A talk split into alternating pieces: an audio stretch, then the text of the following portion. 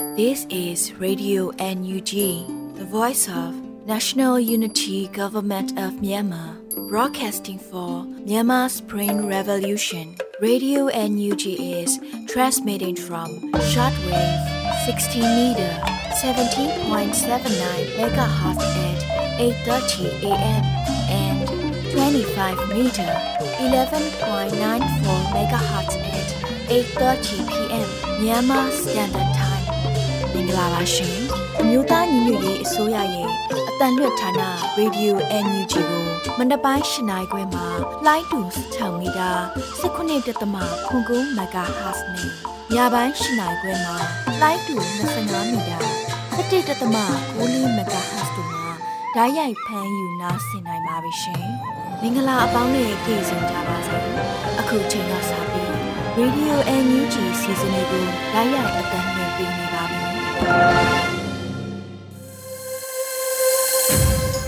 မြန်မာနိုင်ငံသူနိုင်ငံသားအပေါင်းတဘာဝပြီးဆရာနာရှင်ပြည်တို့ကနေပြင်ဝေးပြီးကိုစိတ်နှစ်ပါးဘေးကင်းလုံခြုံကြပါစေလို့ရေဒီယိုအန်ယူဂျီဖွယ်သားများကဆုတောင်းမြတ်တာပို့သလိုက်ရပါတယ်။အခုချိန်ကစပြီးရေဒီယိုအန်ယူဂျီရဲ့ပြည်တွင်းသတင်းများကိုတော့လူဦးမှုမှဖတ်ကြားတင်ပြပေးပါမယ်ရှင်။မင်္ဂလာပါခင်ဗျာ။ရေဒီယိုအန်ယူဂျီရဲ့ညပိုင်းပြည်တွင်းသတင်းများကိုဖတ်ကြားတင်ပြပေးပါတော့မယ်ခင်ဗျာ။ ဤသတင်းများကို Radio NUG သတင်းတောင်ဝန်ခံတွေနဲ့ခံလုံသောမိဖက်သတင်းရင်းမြစ်များမှဖော်ပြလာသောအချက်အလက်များပေါ်အခြေခံပြုစုထားခြင်းဖြစ်ပါတယ်ခင်ဗျာကျွန်တော်ຫນွေဦးမိုးပါ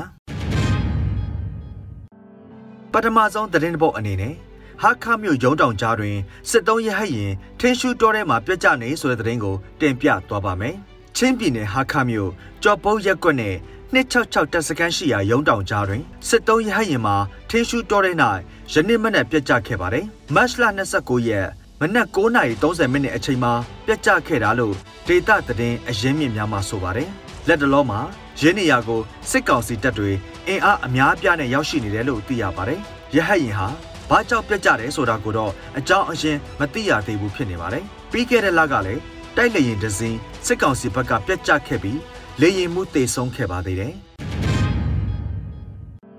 နောက်ထပ်သတင်းတစ်ပုဒ်အနေနဲ့ American နိုင်ငံသားရဲ့အတိုင်ပင်ခံရဲ့အာရှ၃နိုင်ငံခရီးစဉ်မှာမြန်မာအကြောင်းထည့်သွင်းဆွေးနွေးမယ်ဆိုတဲ့သတင်းကိုတင်ပြသွားပါမယ်။ American နိုင်ငံနိုင်ငံသားရဲ့ဝန်ကြီးဌာနရဲ့အတိုင်ပင်ခံအရာရှိ Derek Cholak ဟာမတ်လ28ရက်နေ့ကနေဧပြီလ2ရက်နေ့အထိဖိလစ်ပိုင်၊ဗီယက်နမ်နဲ့ ဂျပန်ကိုသွားမယ်လို့နိုင်ငံသားရဲ့ဝန်ကြီးဌာနကဒီကနေ့ထုတ်ပြန်ပါတယ်။ Derek Cholak ရဲ့ဒီအာရှခီးစဉ်ဟာ Indo-Pacific မဟာမိတ်တွေနဲ့မိတ်ဖက်တွေအတွက်အမေရိကန်ရဲ့ဂတိကဝတ်တွေကိုထပ်လောင်းအတည်ပြုဖို့နဲ့မြန်မာနိုင်ငံမှာဒီမိုကရေစီရရှိပြီးငြိမ်းချမ်းတည်ငြိမ်ဖို့အပါအဝင်ဒေသအတွင်းအကြောင်းအရာတွေကိုလည်းဆွေးနွေးသွားမယ်လို့ဆိုပါတယ်။တရားဥပဒေစိုးမိုးရေးနဲ့တောင်တရုတ်ပင်လယ်အတွင်းလွတ်လပ်စွာရေကြောင်းသွားလာမှုတေချာစေဖို့ ပူးတွဲကြိုးပမ်းဆောင်ရွက်မှုတွေအတွက်ဖိလစ်ပိုင်တာဝန်ရှိသူတွေနဲ့တိုင်ပင်မဲ့အပြင်အမေရိကန်အာဆီယံဆက်ဆံရေးမြန်မာနိုင်ငံမှာလက်ရှိဖြစ်ပေါ်နေတဲ့အကြက်အတဲတွေကိုဖိလစ်ပိုင်နဲ့ဗီယက်နမ်ဂျပန်သုံးနိုင်ငံစလုံးမှာဆွေးနွေးသွားမှာဖြစ်ပါတယ်။ဒါအပြင်ယူကရိန်းကိုတိုက်ခိုက်နေတဲ့ရုရှားရဲ့ကျူးကျော်စစ်ရဲ့အကျိုးသက်ရောက်မှုနဲ့ပတ်သက်ပြီးပြောဆိုသွားမယ်လို့လည်းသိရပါတယ်ခင်ဗျာ။နောက်ထပ်သတင်းတစ်ပုဒ်ကတော့ မြန်မာနိုင်ငံကဒုက္ခသည်2000ကိုဩစတြေးလျနိုင်ငံလက်ခံမယ်ဆိုတဲ့သတင်းကိုတင်ပြသွားပါမယ်။ဩစတြေးလျနိုင်ငံကမတ်လနောက်ဆုံးအပတ်မှာမြန်မာနိုင်ငံကိုဒေါ်လာ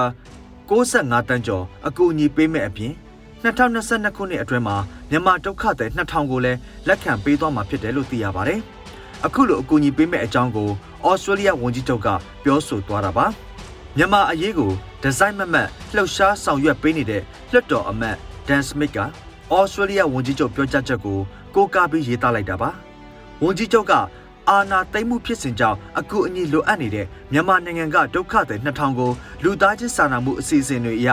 ဗီဇာထုတ်ပေးသွားမှာဖြစ်ပြီးတော့လက်ရှိဗန်နာနှစ်အတွင်းမှာလည်းမြန်မာပြည်သူတွေအတွက်ဒေါ်လာ65တန်းကျော်ကိုထောက်ပံ့ကူညီမှာပါလို့လွှတ်တော်အမတ်ဒန်စမစ်ကသူ့ရဲ့လူမှုကွန်ရက်စာမျက်နှာမှာရေးသားထားပါတယ်။ဩစတြေးလျနိုင်ငံအနေနဲ့ပြီးခဲ့တဲ့အပတ်က တက်နဲ့ရဲ CDM တွေကိုနေထိုင်ဖို့အတွက်လှုပ်ဆောင်ပေးမယ်လို့တရားဝင်ပြောကြားခဲ့ပါတယ်ခင်ဗျာ။ဆက်လက်ပြီးမြဝတီအခြေဆိုင်အလွတ်တန်းသတင်းထောက်ကိုနေနော်ဖန်စီခံရဆိုတဲ့သတင်းကိုတင်ပြသွားပါမယ်။ကရင်ပြည်နယ်မြဝတီမြို့အခြေစိုက်ကသတင်းရေးသားနေတဲ့အလွတ်တန်းသတင်းထောက်ကိုနေနော်ကိုမနေ့မတ်လ28ရက်နေ့လယ်ပိုင်းမှာရဲစခန်းကနေဖမ်းဆီးခဲ့တယ်လို့သိရပါတယ်။ သူ့ရဲ့လူမှုကွန်ရက်စာမျက်နှာပေါ်မှာရေးသားဖော်ပြထားတဲ့သတင်းနဲ့ပတ်သက်ပြီးစကားပြောဆိုစရာရှိတာကြောင့်ဆိုကာမြဝတီရဲစခန်းတာဝန်ရှိသူကကိုနေနော်ကိုလာရောက်ဖို့ခေါ်တာကြောင့်တွားရောက်ဖြည့်ရှင်းရင်ဖမ်းဆီးထိမ့်သိမ်းခံလိုက်ရတာလို့ဆိုပါတယ်။ရဲစခန်းမှာတခါတည်းဖမ်းဆီးထားလိုက်တာအာမခံလည်းမရဘူးမိတ်ဆွေမိသားစုနဲ့လည်းတွေ့ခွင့်မရဘူးလို့ကိုနေနော်နဲ့နှိစက်တဲ့အတိုင်းဝိုင်းက BBC ကိုပြောဆိုထားတာတွေ့ရပါတယ်။ ကိုနေနော်ဟာအလွတ်တန်းသတင်းတောက်အနေနဲ့စီးပွားရေးသတင်းဌာနဖြစ်တဲ့ Bloomberg ကရင်သတင်းဌာနဖြစ်တဲ့ KIC တို့မှာသတင်းပေးပို့တယ်လို့သိရပါတယ်။လက်ရှိပြည်တွင်းမှာသတင်းသမားအများစုဆက်လက်ဖမ်းဆီးထိန်းသိမ်းခံရဆဲဖြစ်ပြီးစည်ရင်းတွေအရမတ်လ25ရက်နေ့အထိကိုသတင်းတောက်122ဦးဖမ်းဆီးထိန်းသိမ်းခံခဲ့ရပြီဖြစ်ပါတယ်။အဲ့ဒီတဲကသတင်းတောက်48ဦးဟာစစ်ကောင်စီလက်ထဲဖမ်းဆီးထိန်းသိမ်းခံထားရဆဲဖြစ်ပြီး အဲ့ဒီတဲက15ရက်ဝန်းကျင်ဟာအလွတ်တန်းသတင်းတောက်တွေလို့အာဆီယံစောင့်ကြည့်ရေးအဖွဲ့တစ်ဖွဲ့ဖြစ်တဲ့ Reporting ASEAN ကနေတရားဝင်ထုတ်ပြန်ထားပါတယ်ခင်ဗျာဆက်လက်ပြီး KLG PDF မှာတာဝေးပြည့် short တုံးများစမ်းသပ်မှုအောင်မြင်ဆိုတဲ့သတင်းကို တင်ပြသွားပါမယ်။ KLG PDF မှာတာဝေးပြည့် short တုံးများစမ်းသပ်မှုအောင်မြင်တယ်လို့သတင်းရရှိပါတယ်။မတ်လ29ရက်နေ့မှာ short တုံးများကို KLG PDF ကစမ်းသပ်ပြစ်ခတ်ပြခဲ့ပါတယ်။ကျွန်တော်တို့ KLG PDF မှာတာဝေးပြည့် short တုံးစမ်းသပ်မှုအောင်မြင်တယ်လို့ဆိုထားပါတယ်။စကိုင်းတိုင်းထဲမှာကာကွယ်ရေးတပ်ဖွဲ့တွေဟာလက်လုံတပ်နက်များကာပိုင်တနက်များ60မမများကိုထုတ်လုပ်အောင်မြင်နေတာဖြစ်ပါတယ်ခင်ဗျာဆက်လက်ပြီးဗဟင်းကျေးရွာစခန်းကိုဝင်ရောက်သိမ်းပိုက်တိုက်ခတ်ခဲ့ရာစစ်ကောင်စီတပ်ဖွဲ့ဝင်9ဦးသေဆုံးဆွဲတဲ့တဲ့ကိုတင်ပြသွားပါမယ် မကွေးတိုင်းမြိုင်မြို့နယ်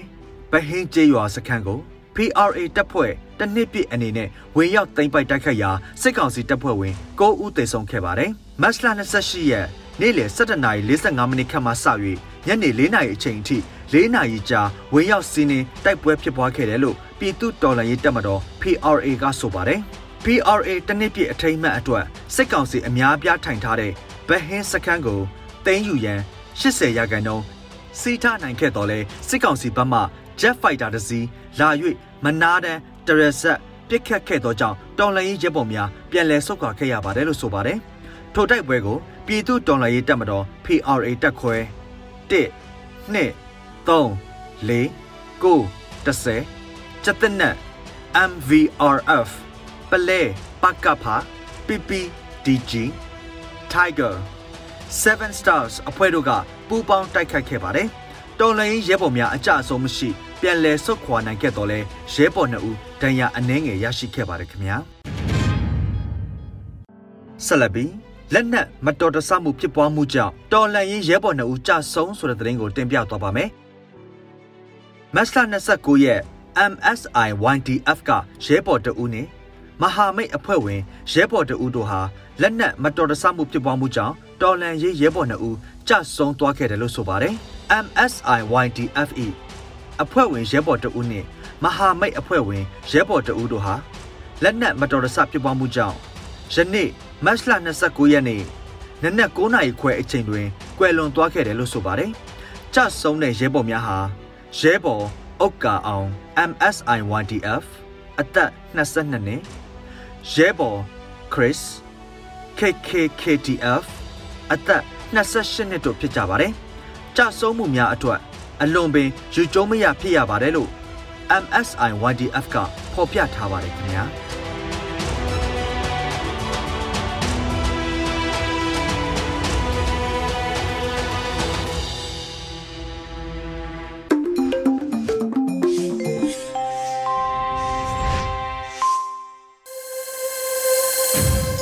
ရေဒီယိုအန်ယူဂျီမှာဆက်လက်တမ်းလှည့်ပေးနေပါတယ်။အခုဆက်လက်ပြီးအန်ယူဂျီနိုင်ငံသားရေးဝန်ကြီးဌာနပြည်ထောင်စုဝန်ကြီးဒေါ်စင်မအောင်နဲ့ဆက်သွယ်မြင်းမြန်းချက်ကိုမရွှေမိုးမှတင်ဆက်ပေးထားပါရရှင်။ဟုတ်ကဲ့ဆရာမပထမဦးဆုံးမေးခွန်းကတော့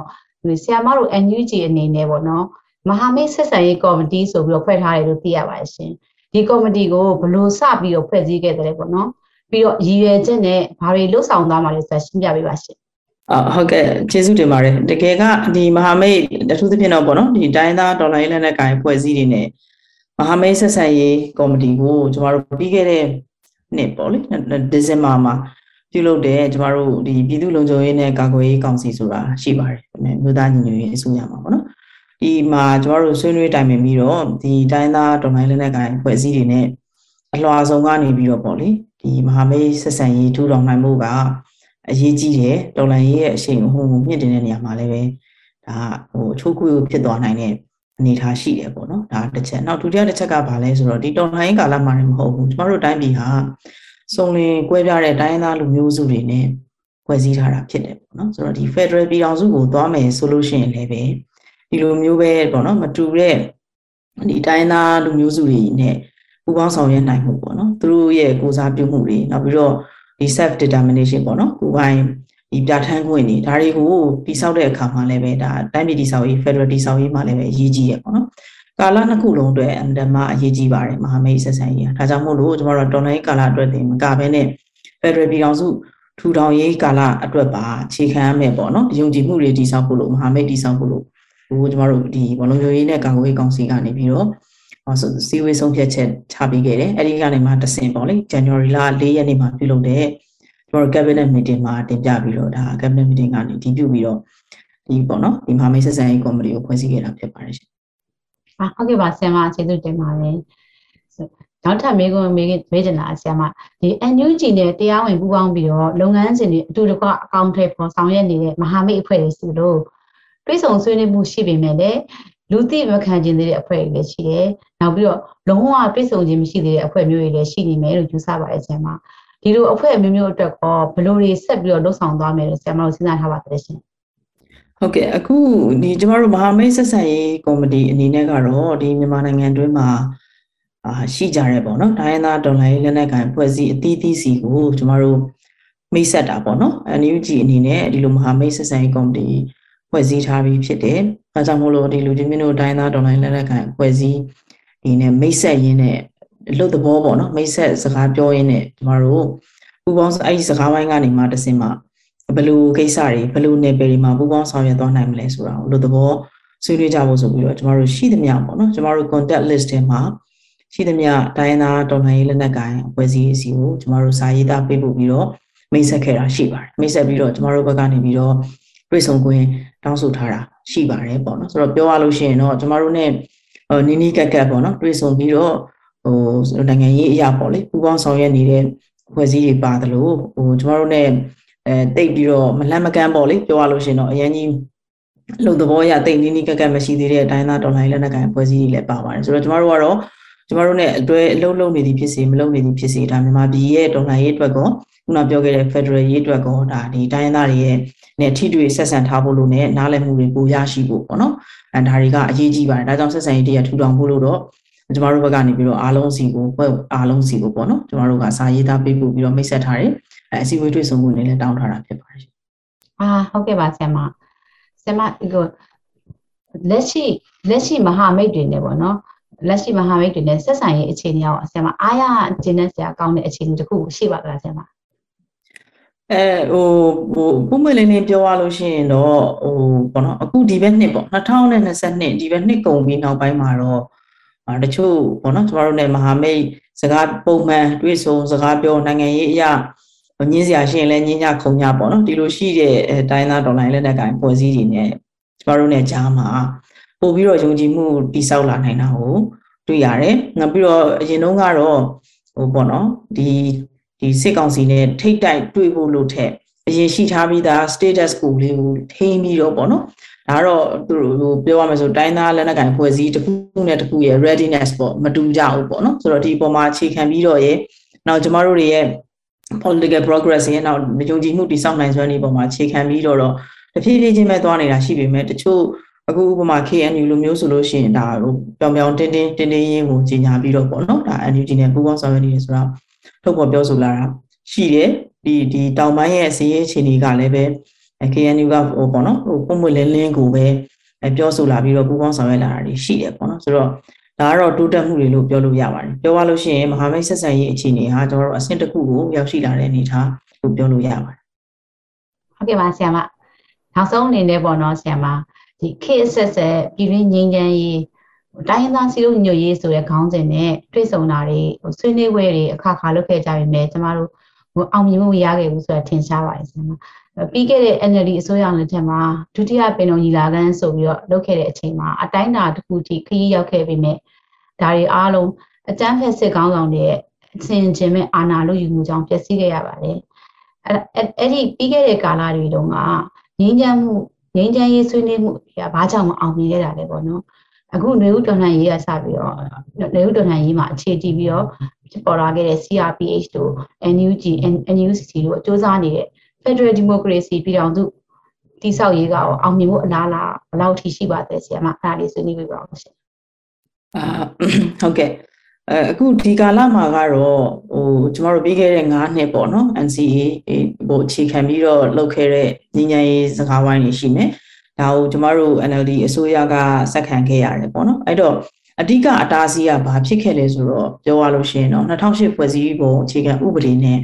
စစ်တပ်ရဲ့နိုင်ငံရေးဥဆောင်မှုခန်းကဏ္ဍမှာပါဝင်ရမယ်ဆိုတဲ့သူတို့ရဲ့နောက်ခံ ideology ပါပဲဆိုတော့ဒီအယူအဆပေါ့နော်ဒီအယူအဆကဒီပင်လျင်ကျမတို့တိုင်းပြည်ရဲ့ Federal Democracy ထူထောင်ရေးအထူးသဖြင့် ဟောပေါ့နော်တိုင်းရင်းသားတွေရဲ့တကယ်လိုအပ်တဲ့တန်းတူညီမျှမှုတွေပေါ့နော်ကိုယ်ပိုင်ပြဋ္ဌာန်းခွင့်တွေဒါတွေကိုစိတ်ရှင်းရှင်းနဲ့ပုံပွင့်လင်းလင်းနဲ့ပေါ့နော်ဟိုဆွေးနွေးနိုင်တဲ့နေရာမှာအတားအဆီးတွေအများကြီးဖြစ်ခဲ့တယ်ပေါ့နော်ထိုက်တဲ့နဲ့ဥပမာကျမကိုယ်တိုင်လည်းပဲဒီနိုင်ငံရေးဆွေးနွေးပွဲစကားဝိုင်းတွေမှာပါခဲ့တာဖြစ်တယ်ပေါ့နော်ပြီးလွတ်တော်အစိုးရတက်မတော်ဆိုတဲ့အစုအဖွဲ့ပေါ့လေဆိုတော့ဒီအစုအဖွဲ့မှာဆွေးနွေးရတဲ့အခါတွေမှာကျမတို့ကိုယ်တိုင်ကတွေ့ဆုံခဲ့ရပြီဖြစ်တယ်ထင်သလောက်မပေါက်ဘူးပေါ့နော်ဟိုပြောရမယ်ဆိုလို့ရှိရင်ဥပမာဆိုပါစို့ ပြည်နယ်တွေကဟိုဟဟာပေါ့ပြည်နယ်တွေမှာလည်းပဲဖွဲ့စည်းပုံရေးဆွဲပိုင်ခွင့်ရှိတယ်ဆိုတဲ့ဟာမျိုးတွေပေါ့နိုင်ငံရေးအရာပြောရမယ့်ဟာဒါမျိုးတွေဆိုလို့ရှိရင်ဒါဒါတက်ဖက်ကလက်မခံတဲ့ဟာမျိုးဘာဘာလို့ constitution ပေးဆွဲရမလဲပေါ့ဒါမျိုးတွေရှိခဲ့တယ်ဆိုတော့မဟုတ်ဘူး federal စနစ်ကိုသွားမယ်ဆိုလို့ရှိရင်ဒီ federal unit တိုင်းမှာလည်းပဲ constitution လိုအပ်မယ်ဆိုရင်လိုအပ်တယ်လို့ရေးဆွဲခွင့်ရှိကြတယ်နိုင်ငံဥပမာတွေလည်းရှိတယ်စသဖြင့်ပေါ့နော်တော်တော်လေးကိုဒီဟာတွေအတွက်ကိုဆွေးနွေးရတယ်ပေါ့နော်ပြောချင်တာကဒီပြည်နယ်ဥပဒေ နောက်ပြီးတော့ပြည်တော်စုဥပဒေတွေနဲ့ဒီကိုပိုင်ပြဋ္ဌာန်းခွင့်တွေကိုနိုင်ငံရေးရဒဏ်လူညီများရှိခွင့်တွေကိုဒါအကာအကွယ်ပေးထားမယ်အနေထားတွေပေါ့ဆိုတော့ဒီလိုမျိုးနိုင်ငံရေးရသဘောတူညီချက်တွေနောက်တစ်ခုကစစ်တပ်က professional army ဖြစ်ဖို့လို့ပေါ့နော်အယက်သားဒီဒီထိန်းချုပ်မှုအောက်မှာရှိရမယ်ဆိုတဲ့အနေအထားမျိုးတွေနောက် security sector reform ပေါ့နော်လုံခြုံရေးကဏ္ဍပြုပြင်ပြောင်းလဲရေးကလုပ်ကိုလုပ်အောင်ပါပမာပြည်မှာပေါ့နော်ဆိုတဲ့အနေအထားပေါ့အဲ့ဒါမျိုးတွေမှာဘလို့မှဆွေးနွေးလို့ မရခဲ့တဲ့အနေအထားမျိုးတွေရှိခဲ့တယ်ပေါ့နော်ဆိုတော့စကရက်အနေနဲ့လည်းထည့်လို့မရဘူး principle အနေနဲ့လည်းထည့်လို့မရတဲ့အနေအထားမျိုးတွေကနေအခုဒီဒီအာနာသိမ့်ပြီးနောက်ပိုင်းမှာတော့ဟိုပြောရလို့ရှိရင်တော့ဒါအခုကျမတို့တိုင်းသားဒေါ်လိုင်းလက်နက်ကိုင်အဖွဲ့အစည်းတွေနဲ့ပေါ့လေအဲစစ်တပ်မပါဘဲနဲ့အခုဟိုဆွေးနွေးကြတယ်ညှိနှိုင်းကြတယ်အခု Federal Democracy charter ဆိုတဲ့ principle ပေါ့နော်ဒီ federal principle တွေကိုအာမခံပေးထားတယ်အကယ်၍ဒါကျမတို့တော်လှန်ရေးပြီးသွားလို့တိုင်းပြည်တည်ဆောက်တဲ့အခါမှာ အာဟိုပေါ့လေ constitution ကိုတည်ဆောက်တဲ့အခါမှာဒါ federal အခြေခံမူတွေကိုအာမခံချက်ပေးထားတဲ့ပြည်ညင်တစ်ခုပေါ်ပေါက်လာပြီဖြစ်တယ်ဒါကရလဒ်တစ်ခုပဲအရင်တုန်းကဟိုပေါ့နော်ဒီဒီဒီဘယ်သူကတားဆီးဖြစ်နေလဲဆိုတာကိုလည်းကျမတို့ပေါ်ပို့ပြီးတော့ပေါ်လည်သွားစေတယ်ပေါ့ federal နဲ့ပတ်သက်တဲ့ဂရီကိုတွေနဲ့ပတ်သက်ရင် principle တွေနဲ့ပတ်သက်ရင်တိုင်းပြည်တည်ဆောက်ရေးနဲ့ပတ်သက်လို့ရှိရင်ပေါ့ဆိုတော့ဒီဘက်အပိုင်းမှာလည်းပဲဒါခုနပြောတဲ့ NUCC CRPH CRPH NUCC နောက် NUG ပေါ့နော်ဆိုတော့ဒီ NUCC ကိုကျမတို့ initiate လုပ်ခဲ့ကြတဲ့ဒီ idea ကိုမိတ်ဆက်ပေးခဲ့ရတဲ့ရည်ရွယ်ချက်ကို၌ကိုကလည်းပဲရေကောက်ခံအဲလွှတ်တော်ကိုယ်စားလှယ်တွေဒါမကဘဲနေပေါ့နော်နိုင်ငံရေး stakeholder တွေအကုန်လုံးဟာတိုင်းပြည်တည်ဆောက်ရေးမှာပေါ့နော်တော်လှန်ရေးမှာရောဒါ platform တစ်ခုမှာကျမတို့အတူတူဆွေးနွေးတိုင်ပင်ညှိနှိုင်းပြီးတော့နားလည်မှုတွေတိဆောက်ပြီးတော့သွားကြလို့ရှိရင်ဒါဟာတော်လှန်ရေးအတွက်လည်းပိုအားကောင်းလာနိုင်စေမယ် နောက်ပြီးတဲ့ခါကျတော့တိုင်းပြည်တိဆောက်ရေးကိုသွားတဲ့အခြေခံမူတွေကိုလည်းပဲဒါသဘောအများစုသဘောမျှထားတဲ့အခြေခံမူတွေနဲ့သွားမယ်ဆိုလို့ရှိရင်အချိုးခွေတစ်ခုရောက်တဲ့ခါကျလို့ရှိရင်တိတ်အများကြီးကျမတို့အငင်းပွားဝယ်ရမရှိတော့ဘူးပေါ့နော်ဒီအခြေအနေတစ်ခုကိုရည်ရွယ်ပြီးတော့ကျမတို့ကဒီ NUCC ဆိုတဲ့ platform တစ်ခုလိုအပ်တယ်ဆိုတာကိုဆွေးနွေးကြပြီးတော့ဒါ NUCC ဆိုတာပေါ်ပေါက်လာတာဖြစ်ပါတယ်ပေါ့ဆိုတော့အခုဒီဒီပုံစံနဲ့ပဲအဲကျမတို့တွေဒီဒီသွားနေကြတာ ဖြစ်တယ်ပေါ့ဆိုတော့ပြောရမယ်ဆိုရင်အရင်အရင်တုန်းကအဲဒီပေါ့နော်ငင်းငင်းညီလာခံမှာဆွေးနွေးရတဲ့ဆွေးနွေးမှုတွေလွတ်လပ်မှုတွေတဲ့စား NUCC ကပို့ပြီးတော့အရန်ကိုလွတ်လပ်တယ်လို့တော့ပြောလို့ရတယ်ပေါ့နော်ဟိုလွတ်လွတ်လပ်လပ်ပြောကြဆိုကြငင်းကြခုံကြ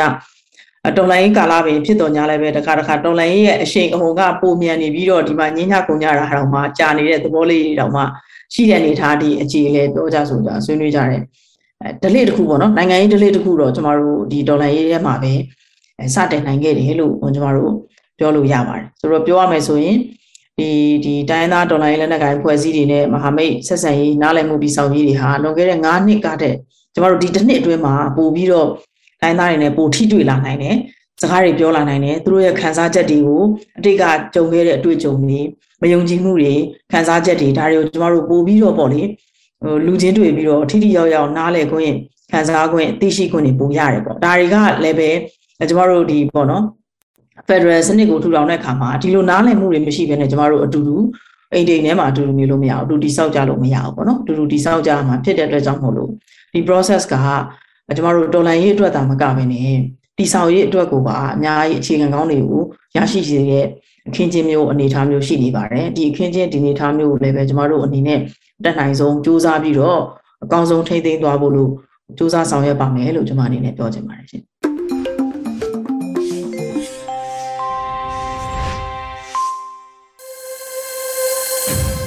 ရေဒီယိုအန်ယူဂျီရဲ့ညပိုင်းစီစဉ်တွေကိုဆက်လက်တင်ပြနေပါတယ်။အခုတစ်ခါ တောကစားဝင်ချင်းဆိုတဲ့တော်လှန်ရေးကြပြကိုတော့ဒီတစ်ကရေးသားပြီးခါရှဲကဖက်ကြားတင်ပြပေးထားပါတယ်ရှင်။တောကစားဝင်ချင်းတဆက်ဆက်တုံးလို့မလှုပ်ရှက်တင်းမြင့်များအပေါ်စင်းစင်းသေးများကဖြက်ဖြက်လူသားကောင်ကိုပွဲတော်ဒီတောအုပ်ထဲမိုးဆိုးလိုက်ကနဲ့တမင်တွေထားကြွနေပုံမြေကျိုးအင်္ဂလိုင်းလုံးတွေ တွေ့ပြန်ရလင်းညို့တန်တောင်တောင်တောင်ရောမမြို့ပြက်ကြီးပူဝင်တစ်ပင်တွေစီကုခတ်လာပုံကတောမီပူလောင်ဆူနာမီဆိုင်မစင်ပတ်မတီညှို့မိုင်းတက်လာတော့စိမ့်ဝါမှုပန်းငှက်တွင်ပြန်ကြွမတက်တော့အိမ်ပြန်ခဲရအောင်တော့စိန်ခံကားမလို့တပင်းညိုကိုမလွမ်းတယောကင်မွန်းလောက်ဆိုရပါပြီအမေဒီတစ်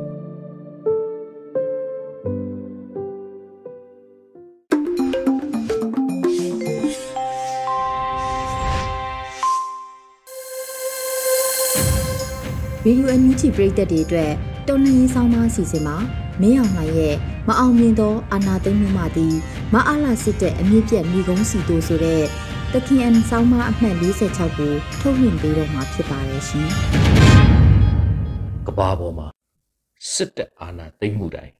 အောင်မြင်တာမဟုတ်ပါဘူး။မအောင်မြင်တဲ့စစ်အာဏာသိမ်းမှုတွေရှိခဲ့ပါတယ်။ဒီထဲမှာမင်းအောင်လှိုင်ရဲ့2021အာဏာသိမ်းမှုဟာ မအောင်မြင်တဲ့အာဏာသိမ်းမှုတစ်ခုထဲမှာပါဝင်ပါတယ်1950ကနေ2010ခုနှစ်အတွင်းကဘာပေါ်မှာ